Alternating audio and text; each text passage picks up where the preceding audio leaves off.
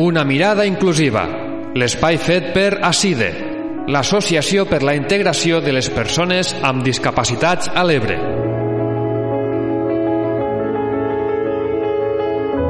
Avui vos acompanyem en nom de CIDE, Paquita Gomis, Manel Romero i Joan Ferrando.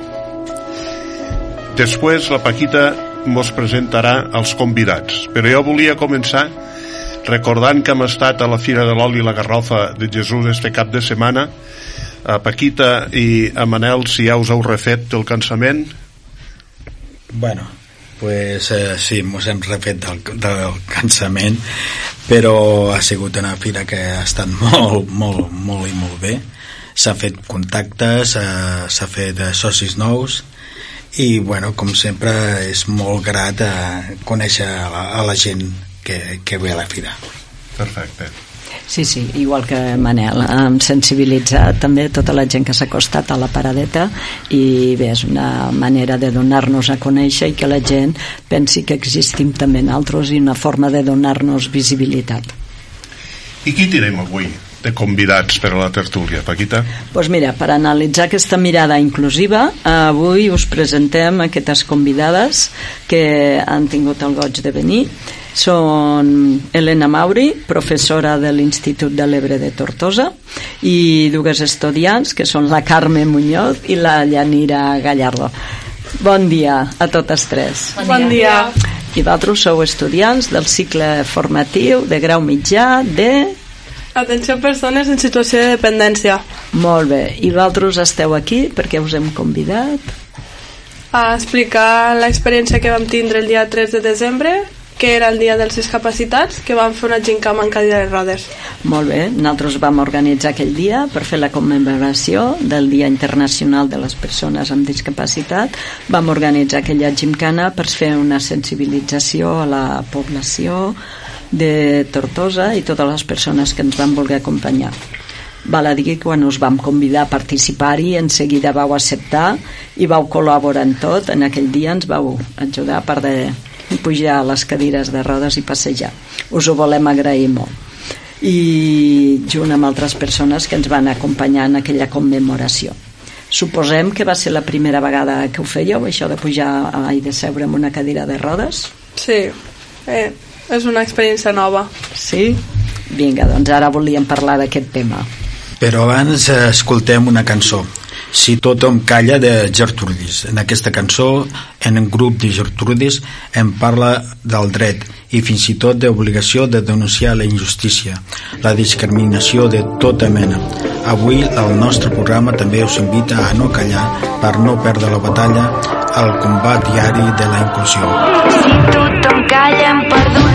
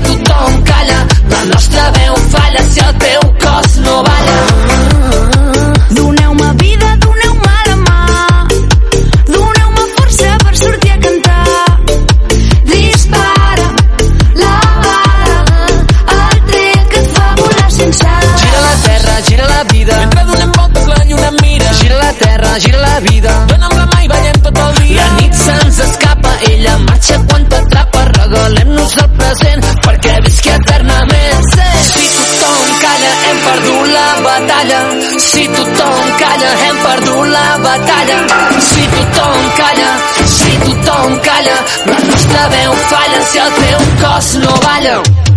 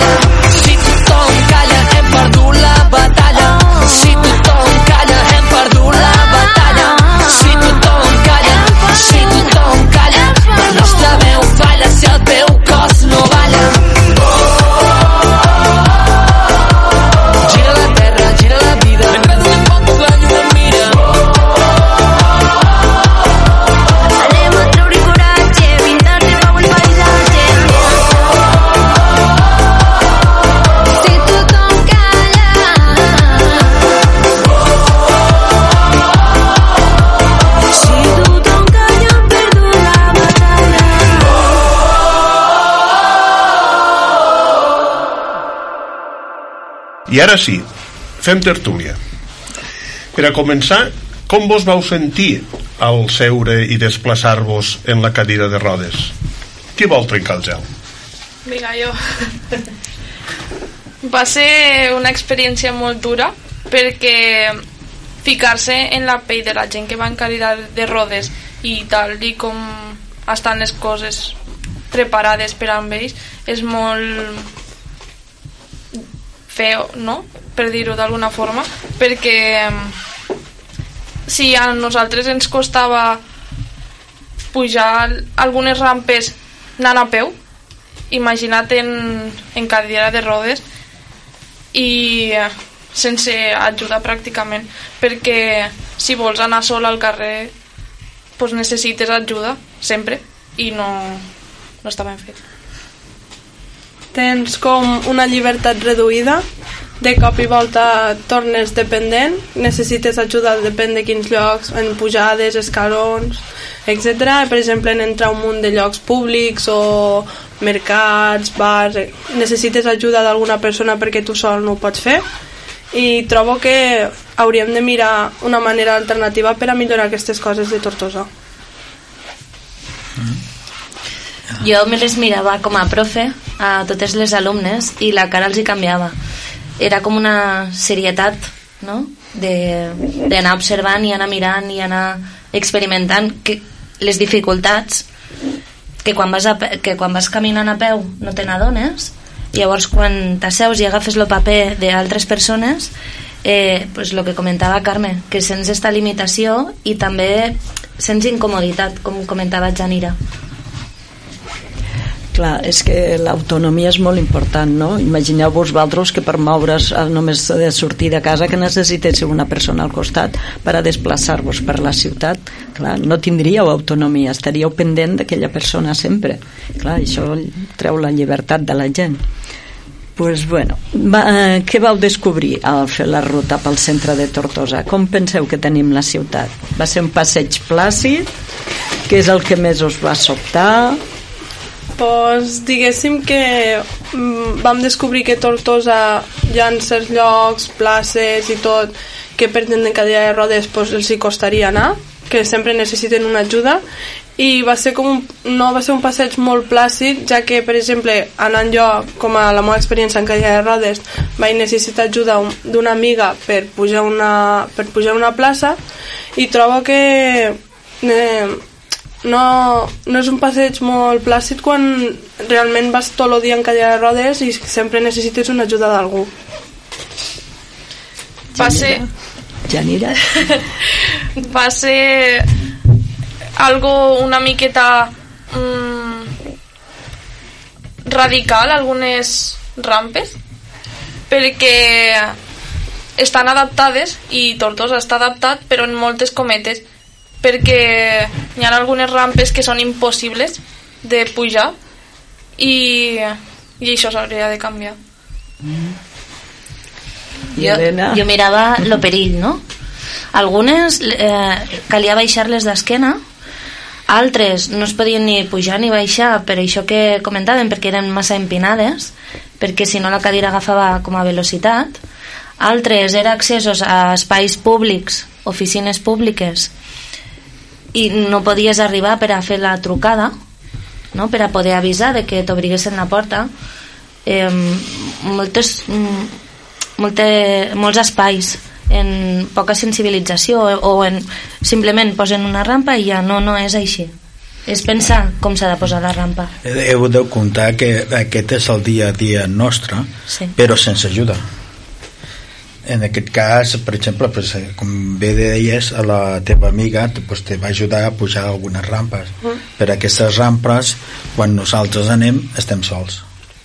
I a vegades és difícil que algú del carrer pues, eh, mos ajudi a, pues, a pujar una rampa simplement ja no ho fem donem la volta per on sigui i ja avui tenim, tenim l'obligació perquè si no no sortiríem de casa de buscar pues, recorreguts com aquell que sempre dic jo nosaltres quan sortim al carrer tenim un mapa al cap de on podem anar i a on no podem anar i aleshores, clar, nosaltres no tindríem que tindre aquest mapa, tindríem que poder anar a tot arreu. Eh? Bé, i jo us preguntaria, teniu un familiar o persona coneguda amb mobilitat reduïda? Sí, I com desenvolupar, us m'ho podeu explicar com pot desenvolupar, com creieu que desenvolupa el seu dia a dia? Em, és un xiquet del meu poble, de Rasquera, que pues, té bancadilla de rodes i, per exemple, al meu poble és tot molt pujada i baixada, hi ha molt pocs carrers plans per a que pugui anar ell i trobo que, diguéssim, abans de fer una reforma a l'escola, eh, per a pujar tenia que ajudar-lo amb un escaló perquè no podia ir sol. I per anar al pati tenia que fer la volta i sortir al carrer. En canvi ara pues, això ho han mirat i han posat l'ascensor i la rampa per a que pugui accedir al centre, però abans era un perill, diguéssim que si ara se t'escapa la cadira o algo, el xiquet pel carrer, per la carretera, sol, li pot, o sigui, li pot arribar a passar algo. Però ara estan fent coses per millorar-ho. Jo tinc un familiar i, i a l'hora de fer sopars o dinars en família i anar a un restaurant és molt complicat perquè no, no pot entrar al restaurant directament i, i pues, això és no sé, és un, com una falta de respecte no per amb ells perquè no poden anar ni simplement a un restaurant amb la família. És, és feo.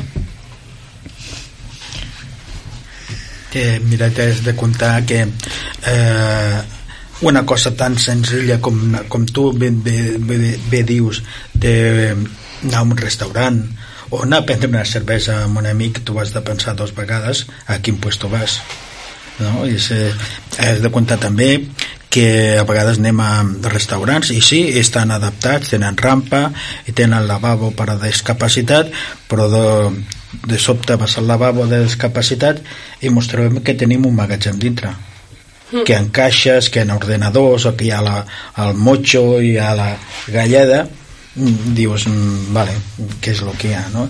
sí, el que tu dius és ben cert és el dia a dia és el dia a dia Mm, la següent pregunta o sigui, mm, un seguit és quasi que està contestada però jo mm, eh, penseu que pots fer el mateix que una altra persona sense aquesta característica les persones que coneixeu així d'aquesta forma amb, amb moviments reduïts i així? No, no poden ni sortir a comprar pa ni, ni treballar perquè treballar no sé, els hi deu costar jo crec trobar una feina que estigui adaptada per amb ells i tot són coses així no... I també crec que molta gent no surt de casa perquè al pensar les complicacions que té anar pel carrer o simplement el fet de sortir de casa perquè molts edificis no hi ha ascensors trobo que o sigui no tenen molta llibertat reduïda perquè hi ha gent que ni, ni vol sortir de casa pel simple fet de les complicacions que es trobaran pel carrer Jo pensava abans, quan estàvem parlant, abans d'entrar aquí al, a l'estudi, pensava en lo de la pluja. El dia que vam fer la gincama va començar a ploure una miqueta, un xirimiri, i, i les companyes patien una mica perquè la cadira elèctrica s'hagués pogut fer malbé si hagués continuat plo, plovent, no? I los, comentàvem amb ells eh, que necessitaven en certs moments pues, no, no pots agafar paraigües perquè no el pots utilitzar no pots anar en la cadira elèctrica perquè si no se te pot fer malbé llavors com ho fem els dies que plou per exemple pues ens banyem que sí. quan anàvem a treballar Sí. sí. ens banyem i aquell dia tot just el lloc que tens reservat per estacionar el cotxe mm. aquell dia te l'ha ocupat el primer que ha passat per allí perquè total eh, Mare. aquell dia és quan jo me banyava més perquè el reservat no estava eh, Lliure. estava ocupat llavors eh, ja anaves en perill de relliscar amb les crosses o la cadira i bueno, doncs és una dificultat afegida de comptar que els dies que plou eh, si us fixeu també hi ha més vehicles. Mm. llavors aquests vehicles com hi ha més vehicles també ocupen les nostres places. O sigui, clar, és un peix que es mossega la cua. Llavors eh, si tens que sortir per necessitat eh, ho tens molt magre. Ho tens magre perquè bueno, t'has de banyar obligatòriament. No hi ha més. I a més. O, so, o agafar i donar mitja volta i cap a casa i bueno, demà a veure si ho podem fer No. Això, això quan no tens una obligació fixa d'anar-hi. això és la- quan, quan no no tens tens una cita mèdica o quan no has d'anar a treballar. o un treball Perquè el que dèieu abans vosaltres de que la gent eh, eh, no pot anar a treballar o no pot anar en segons quins llocs és només quan ens trobem barreres a l'entorn barreres arquitectòniques que clar, és el que t'impedeix més i que et fa més malícia perquè dius és que si l'entorn sigués més amable amb tothom a llavors les persones amb discapacitat no caldria que estiguessin pendents de veure quan passarà algun peató perquè em doni un cop de mà per aixecar la cadira a la rampa que està mal feta o per anar a un restaurant que eh, si vas amb cadira elèctrica és insalvable no pots eh, pujar un petit esglaó Llavors, si l'entorn està adaptat, les persones que tenim una mobilitat reduïda no, en tenim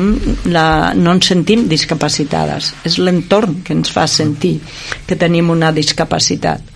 Perquè eh, si no hi ha barreres les persones ens movem eh, com els altres, simplement que ho fem en lloc d'amb dos cames, ho fem amb dues rodes he de comptar que la, nosaltres al nostre entorn no ens sentim discapacitat perquè més o menys hem, ho hem anat adaptant a les nostres circumstàncies. Per tant no te sents discapacitat fas el mateix que tothom Però- és, és com deia Paquita quan sortim fora que mm, ja comences a veure fantasmes per tot arreu però són fantasmes reals o sigui, no... És a l'espai comú, a Sí. l'espai que tots compartim. sí. Que hi ha Però- persones que no podeu accedir en esta compartició en este sentit, Però no? i, i tot això és una contradicció i una contradicció per a mi molt gran perquè tothom estem exposat a tindre moviments reduïts Sí. i al llarg de la nostra vida tothom hi ha moments que tenim moment, eh, moviments reduïts la gent gran, eh, la, un criu que es trenca una cama tothom té moviments o sigui, pues, preparem les ciutats ja per a aquestes coses no ho fem tan a, a lo bèstia Uh -huh. O sigui, tot això és una contradicció que si es volgués, si es raonés una miqueta, ja des d'un bon principi es farien les coses perquè la societat pogués eh, circular i fer el que tingués que fer sense mirar si ets discapacitat o no. No... Què penseu vosaltres? Tota la raó. No sé. Trobeu, trobeu que eh, la societat dona les mateixes oportunitats a tothom? Penseu que les persones amb discapacitat mos podem sentir discriminades? O que vosaltres que sou jovens i viviu, diríem, en entorns diferents als nostres? pues sí, i molt discriminades perquè com hem dit antes no, no es pot fer gairebé quasi res o sigui és mm, anar a qualsevol lloc ja és pues això, una un, com se diu això, un repte Esforç. Sí, un esforç un, no sé. Home, jo crec que pensen que donen les oportunitats quan en realitat el que estan fent és empitjorar les coses perquè creuen que en unes rampes que fan ja poden ajudar la gent quan en realitat poden que tinguin més perill anar en cadira de rodes per aquelles rampes que no fessin la volta. És el que crec jo pues sí, és així realment que Sí. nosaltres sempre reivindiquem amb les institucions que es facin les coses eh, amb, pensant realment com se desplaça la gent que té aquestes dificultats que tenim per això també vam convidar els regidors amb, que tenen l'oportunitat de canviar aquestes coses per a que poguessin veure en la seva pròpia pell que també eh, la ciutat té, encara que hi hagi rampes no podem accedir-hi ara a través de la Gencama eh, us ho vull comentar eh, l'Ajuntament a través del regidor de mobilitat eh, s'ho ha pres molt en sèrio el tema de les barreres arquitectòniques per la ciutat i ara en aquests moments ja s'està acabant la, una rampa per accedir directament a la plaça Alfons XII, que ja vau comprovar que era inaccessible del tot si no passaves per entremig dels cotxes, per la calçada. Pues ara hi haurà un pessebre i una rampa al davant de la rampa única que hi ha per accedir a aquella plaça. Vull dir que poquet a poquet les institucions també van prenent consciència i penso que nosaltres col·laborem per a que això sigui així i que esperem que tota la gent que vau participar en la gimcana doncs també quan en el vostre futur professional estigueu en, en àmbits que tingueu de prendre decisions tingueu en compte també aquesta vessant en tots els llocs on aneu passant. A veure, jo també us volia preguntar, a, sobretot a la Janira i a la Carme, que tan amablement ens estan acompanyant avui aquí, eh, què és el que us va triar Uh, què és el que us va motivar a triar el cicle formatiu d'atenció a persones en situació de dependència? Perquè, clar, això no són ordinadors, això no és un tema d'audiovisuals, això és un tema més fondo, em penso. Um, a mi em van citar, A veure, em van Carme. citar a fer aquest cicle perquè trobo que és un col·lectiu que està molt aportat socialment i políticament. Trobo que és un col·lectiu que tindrem que mirar més per ells i no tant per altres coses i crec que m'agradaria professionalment entrar dintre per poder millorar les situacions d'aquestes persones. T'esperem, eh, quan acabis, ja et preparem faena, que n'hi ha Sí. per donar i per vendre. I la Janira? Bueno, pues el fet de... Bueno, primer ajudar les persones, que això és molt important i et sents tu bé en tu mateix, no? Ajudant a les persones, però jo almenys vaig més enfocada a ajudar-los a ajudar-los eh, socialment, no?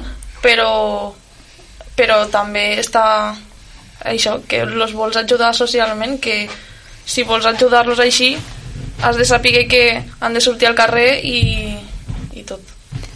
Perquè tu vols dir que el cicle formatiu que ara estàs estudiant, aquests d'atenció a persones en situació de dependència, eh, no és tan social, que aspires a una mica més enllà? No, també és molt social, no? I, i clar, que és social? Has de treballar amb persones. Sí, però potser més a nivell més individual, més a... Claro. amb una persona concreta, no?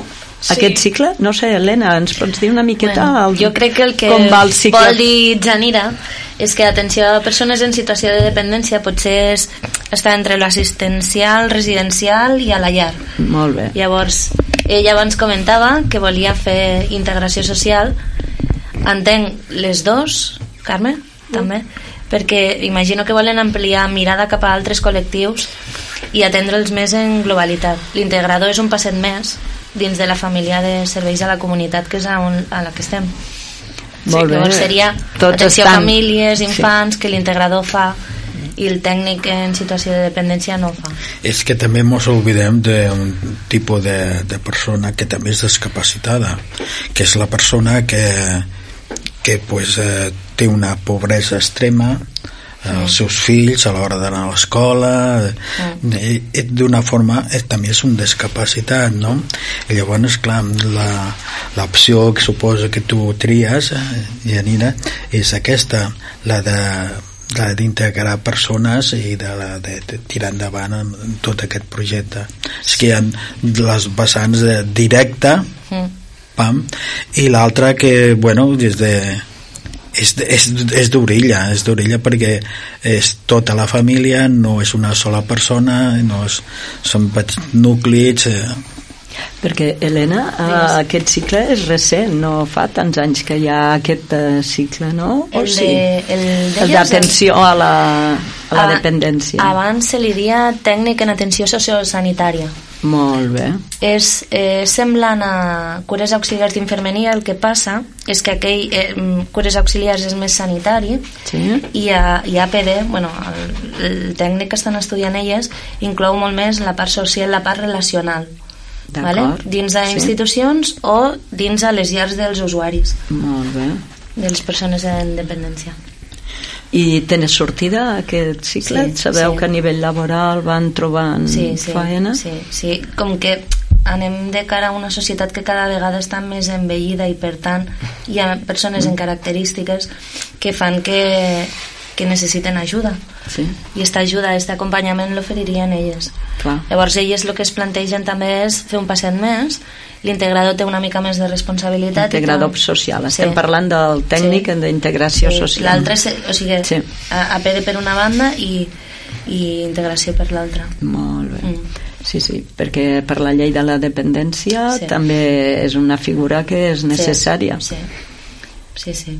A veure, si a poc a poc eh, les persones que es anem professionalitzant i les, usu les persones usuàries podem fer aquest enllaç i que no quedi ningú sense un assistent personal que ho necessiti. Això és un clam que fem a l'administració. Bé, pues esperem que l'experiència que vau viure realitzant la gincama us hagi conscienciat més com a les ciutats poden ser un gran, o sigui, un gran obstacle per poder fer una vida ordinària i també per comprendre millor les nostres necessitats i en un futur us faci respectar les normes sobre els aparcaments i evitar-nos més obstacles i al dia a dia que fer-lo una mica més fàcil Perquè voleu afegir alguna cosa Sí. més a la... per acabar de, tre... de tot el que vau sentir aquell dia i si ho vau relacionar amb el que estudiàveu o no pues, ho vam relacionar amb el que estudiàvem i també per la meva part em vaig donar compte que per mi sola, anant sola pel carrer Puc, quan hi ha gent que en realitat necessita ajuda i també necessita pues, que vagi sol, que no sempre depengui d'algú, saps? Me vaig donar compte de que en realitat hi ha un munt de costes i obstacles i barreres arquitectòniques per gent que va en cadira de rodes.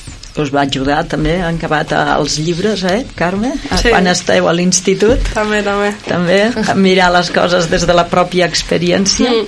malgrat que suposo que també deveu fer pràctiques no? Vosaltres? L'any que ve, l'any que ve. L'any que ve, val. ja teniu el primer tastet Mm. i tu, Yanira, vols afegir alguna per acabar? No, lo que hem dit tot el rato, no? Que ens ha ajudat a ficar-nos en, en la vostra situació, en, en el fet de portar la cadira de rodes, que no és tan fàcil i tan bonic com pareix des de fora. Ah, eh, em perdonareu però me, se m'ha quedat una, una, una dos preguntes al tinter. Una pregunta que se m'ha quedat quan parlàveu vos, dels segles que esteu fent i tot això, quan hagi parlat dels xiquets, que també pues, eh, és una forma de discapacitats vosaltres heu detectat alguna persona avui dia a les vostres escoles que pugui tindre aquest tipus de, de dependència? Eh, per, per, perquè no tenen diners a casa perquè estan patint? Que jo hagi vist um, o sigui, que m'hagi parentat a mi no però potser, potser n'hi ha, saps? Però com a que no ho demostren o no veuen que necessiten tal, perquè potser és un tema que la gent s'avergonyix. Eh, trobo que molta gent s'avergonyix de tindre una discapacitat o d'arribar a cert punt de pobresa, diguéssim, i jo trobo que és un tema normal i corrent que la gent hauria d'acceptar avui en dia, perquè diguéssim, uns anys atrás la gent s'avergonya de quan tenia un fill o algun familiar amb discapacitat que no sortia de casa. I ara pues, a poc a poc la gent pues, va acceptant que ostres, mon fill té, té discapacitat, no passa res que surti al carrer i tal, no, el que no podem fer és anar tancant-ho a casa perquè trobo que és un tema que s'ha de, ha de sortir al carrer per a poder fer coses i avançar. Trobo i una altra pregunta que tenia és que ja sé que va ser pues, eh, la cursa que vam fer va ser de 40 minutets me penso que, que, que, que mos va durar més o menys crec que 40 no? Paquita? sí, sí. Eh, i crec que és difícil però mm, una vegada les persones se senten en una cadira de rodes la mirada a la societat com la veu, com, com veieu la societat o si us en recordeu com veieu la societat sentats en una cadira pues, quan jo veia personalment a una persona en cadira de rodes deia, oh, pobret, saps? Que necessita ajuda i tal però després quan puges tu eh, pues, o sigui, dius necessito ajuda però tampoc la vull perquè et vols valdre per tu mateix Mm. sí, sí. necessites en plan quan ho veus de fora, de fora de, o sigui, que no ets tu, doncs dius, necessito ajuda, no sé què, però quan ets tu mateix, que estàs en una cadira de rodes, dius, ho vull fer jo sola, necessito sentir-me útil, no necessito ajuda de ningú. Mhm. És aquest el tema. Exacte, Sí. perfecte. Molt bé. Helena, t'ha quedat algú al tinter que potser volies intervenir abans? Mm, No, quan abans comentava eh, que si al que si a l'entorn elles havien observat en totes les situacions, en totes les comunitats, en tots els... Um, nosaltres, per exemple, som un centre molt gran i si observes bé sí que hi ha persones pues, que tenen la seva pròpia motxilla, que a vegades ho comentem en ells perquè una de les matèries que treballem en elles són, és el suport psicosocial. I observant i escoltant eh, sí que es veu, sí que es detecta d'alguna manera o hi ha una alerta que sí que te fa pensar que hi hagué, que hi hagué una problemàtica o que hi hagué alguna història al darrere d'algun company o companya o al darrere d'algun alumne. Però també són coses que s'han de treballar amb molt de respecte i amb una certa distància esperant si la persona vol, si necessita ajuda, si no. M'ha agradat molt el que acabes de dir Carme. Molt. Perquè era esta la idea. Nosaltres parlem sempre d'ajuda, d'ajuda però l'ajuda ha de ser volguda. I si no s'acompanya o s'ofereix oportunitats És que moltes vegades quan tu intentes ajudar a certa persona te diu no, ho puc fer jo sola però estàs allà i llavors que pugui comptar amb tu Claro, o sigui, jo, per exemple, moltes vegades en una del poble que també va en cadira, li faig, vols que t'ajudi no sé què? I me fa, no ho vull fer sol, i li faig, vale, però si no pots, m'avises que t'ajudaré. disponibilitat Aquesta és, aquesta és l'actitud. Bé, molt bé. I volia afegir que van fer un exercici d'empatia de ficar-se realment als peus a, bueno, a les sabates d'una altra persona vale? a, tin- a canviar la mirada eh, des d'estar dret a estar assegut a situar-se en, en el moment en, bueno, en les característiques i en el moment que viuen altres persones i també vos volia donar les gràcies per convidar-nos Ai, no, nosaltres a vosaltres estem molt Al, agraïts. al revés, tot les el contrari. oportunitats quan apareixen s'han de, s'han de viure i jo sabia que ells eh, estarien encantats de poder-ho provar i per altra banda pues, que haguéssiu pensat en nosaltres mos va fer molta il·lusió Oh, ves, és que si el tenim al cicle aquest, que hem de fer establir ponts de relació mútua. Eh, moltíssimes gràcies també Gràcies. a vosaltres, Helena. Eh? Moltes gràcies.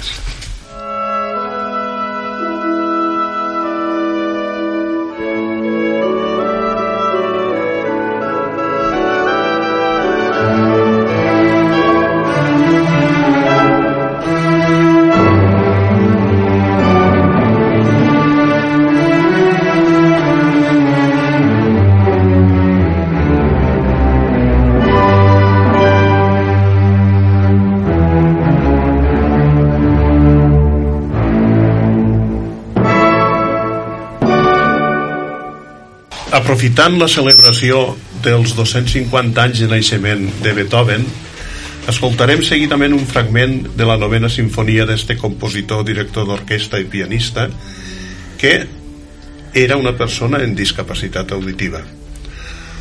Algun dels seus biògrafs afirma que aquesta circumstància va influir en la genialitat de la seva obra, encara que, al contrari, aquesta influència va ser molt negativa en la seva vida social. Ell mateix afirma en una carta que pràcticament fa vida d'ermità per no poder entendre les paraules dels interlocutors. Nosaltres volem fer una mirada inclusiva al personatge de Beethoven també. I vos llijo uns consells per comunicar-nos amb les persones amb sordera que dona Enric Lluc, membre de CODA, que és un col·lectiu que agrupa fills de pares sords. Diu així, tant per a parlar en sords signants com oralistes, lo primer que cal és vocalitzar i parlar una mica més lent. Tampoc cal exagerar perquè no s'entén. També cal senyalar i fer gesticulacions i no tenir res a la boca com un cigarret o un xiclet. I si cal, paper i boli, però sobretot cal normalitat. Bé, doncs moltes gràcies per haver participat, Carme, Janira i molt especialment Helena, que ha fet de pont entre l'Institut i nosaltres. I no res, moltíssimes gràcies i fins la propera. I abans d'acomiadar-nos, volem també recordar la celebració del Dia Mundial de la Ràdio, que va ser el 13 d'aquest mes de febrer i en el que es fan programes extraordinaris. Nosaltres volem recordar i homenatjar a Ràdio Tortosa i als seus tècnics i agrair-los l'oportunitat de comunicar-nos amb altres, estimats oients. Us recordem que us podeu posar en contacte amb nosaltres a través del Facebook, Instagram, amb el nom acideebre amb dos S o a través del correu electrònic acideebre arroba gmail.com Bon dia i fins al mes que ve.